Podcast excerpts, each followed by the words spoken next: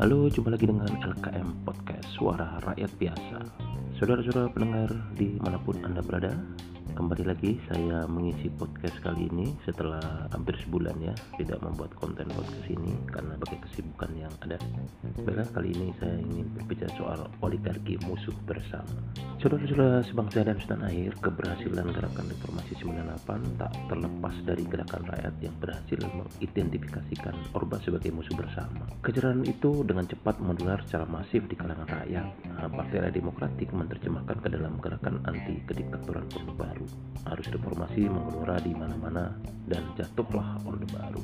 Reformasi yang digadang sebagai jalan menuju kesejahteraan rakyat disikapi secara euforia massal tanpa adanya kekuatan politik alternatif yang mumpuni. Di saat yang sama, kekuatan imperialisme diam-diam mengkonsolidasikan diri melalui channel-channel politik, bahkan melalui isu-isu demokratisasi. Tak disangkal bahwa imperialisme berhasil mengikat Indonesia melalui Letter of Intent IMF yang ditandatangani Soeharto tak lama sebelum jatuh. Orde baru boleh jatuh, tapi roh imperialisme tidak mati. Thank you.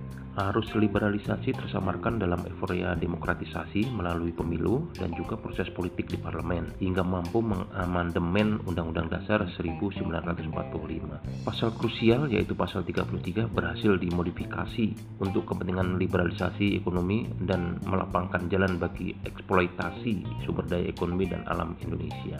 Aturan jaminan sosial dicangkokkan dan melahirkan Undang-Undang SJSN dan juga BPJS. Privatisasi BUMN secara sistemik terus berlangsung meski korban dari rakyat berjatuhan. Kemudian Undang-Undang Minerba, Undang-Undang Sumber Daya Air, kemudian yang terakhir adalah Undang-Undang Cipta Kerja. The Economist Intelligence Unit dalam laporan Indeks Demokrasi 2020, Indonesia mencatat skor terendah dalam 14 tahun terakhir, yaitu menduduki peringkat ke-64 dunia dengan skor 6.3. Nah selanjutnya saudara-saudara sebangsa tanah air dalam prosesnya imperialisme dan liberalisasi melahirkan kekuatan sekelompok kecil atau kaum satu persen yang berhasil menguasai separuh sumber daya atau sumber penghidupan rakyat banyak untuk kaum 99%. Kaum satu persen itulah yang dinamakan oligark atau kaum cukong Sedangkan oligarki adalah suatu sistem di mana segelintir orang menguasai sebagian besar.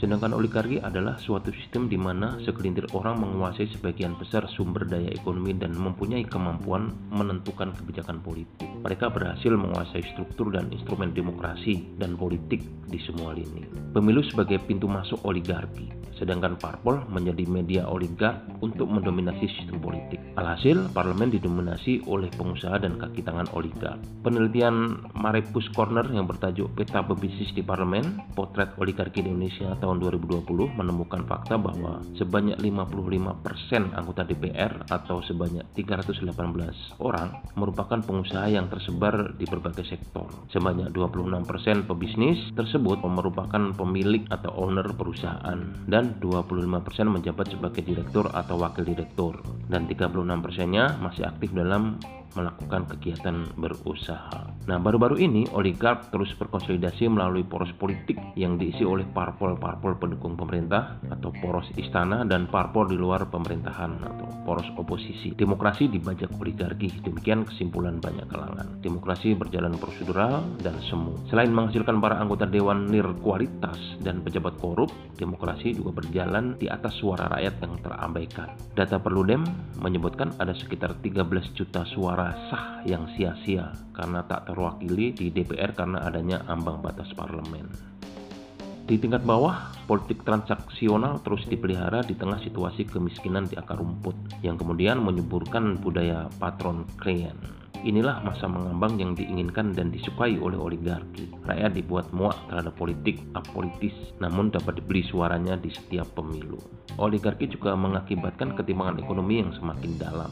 Survei persepsi yang dilakukan oleh Lembaga Survei Indonesia tahun 2020 menguak fakta sebanyak 91,6% responden mengakui distribusi pendapatan tergolong cukup tak setara dan tak setara sama sekali. Hal ini konsisten di seluruh lintas kelompok responden mulai dari gender, pendapatan, pendidikan, usia, dan lokasi, baik di kota maupun di desa. Nah, selanjutnya saudara-saudara sebangsa tanah air bahwa terkait perubahan pendapatan dalam lima tahun terakhir, persepsi masyarakat mencerminkan ketimbangan ekonomi di Indonesia masih dalam. Sedangkan sebanyak 24% responden termiskin menilai pendapatannya jauh menurun. Sebaliknya, 56% responden dari golongan terkaya merasa pendapatannya makin meningkat.